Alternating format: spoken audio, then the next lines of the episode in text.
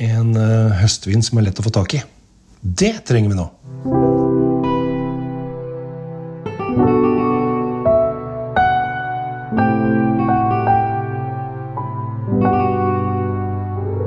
Hei og hjertelig velkommen til eh, Kjell Svinkjeller. Eh, For noen uker siden så holdt jeg et vinkurs der vi reiste rundt i Frankrike.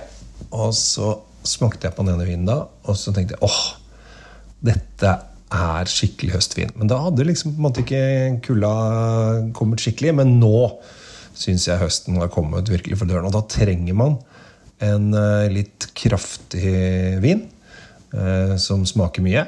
eh, som man nesten kan varme seg litt på.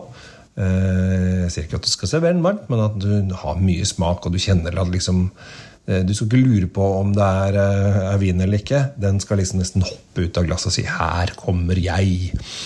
Og så bør den også være tilgjengelig på veldig mange pol. For den skal være lett å få tak i. For det skal være en sånn åh, den får tak i med en gang. Og så bør den ikke koste mye penger. Og her klikka vi inn på alle tre.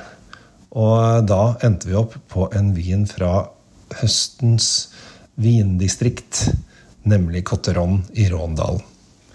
Og i Cotteron i Råndalen så finner vi eh, La Petite Bellanet Cotte de Ron 2021 til 178,90. Og den er lagd på druen Syrah. Og Syrah er den druen som jeg mener er helt soleklart den beste høstvindruen. For den har veldig veldig mye smak. Det er mørke bær. Det er eh, kanskje av og til litt sånn solbærpreg. Og så er det en tung, fyldig frukt. Eh, selv om den har hatt litt sånn tur innom fat, så merker man ikke ofte det. For at man har så, er så utrolig mye fruktsmak i den. Eh, og da er vi liksom inne i skogsbær og bjørnebær og, og litt sånn sylta frukt. At den er sånn nesten sånn kompottish. At du kjenner smaken så konsentrert. Da har du en fantastisk syra i glasset. Og når jeg hadde denne her på dette kurset, da var det Frankrike rundt som var tema. Så da var jeg på en måte ikke så fokusert på høst. Jeg var liksom mer fokusert på å snakke om Frankrike, for det var det som var oppgaven min den dagen. Men når det kom da i glasset, så begynte jeg å lukte på det. Åh, dette her er Altså, dette er sånn foran peisen-vin. Vi har begynt å bruke peisen eh, i år, for jeg syns det er kaldt ute. Og når det knitrer litt foran peisen, og du slapper av i en stol og bare kan eh, hvile og trenger bare en deilig vin i glasset, ja, da snakker vi en, eh, en Syrah fra Råndalen. Og av og til så kommer de jo da i forskjellige forskjellige eh, forskjellige blender også. At det er ikke bare 100% syra. Men prøv! Altså, prøv syra som en sånn enkel vindruefrukt. Og bli litt glad i syra, for det er en veldig Jeg syns den, den er så tydelig.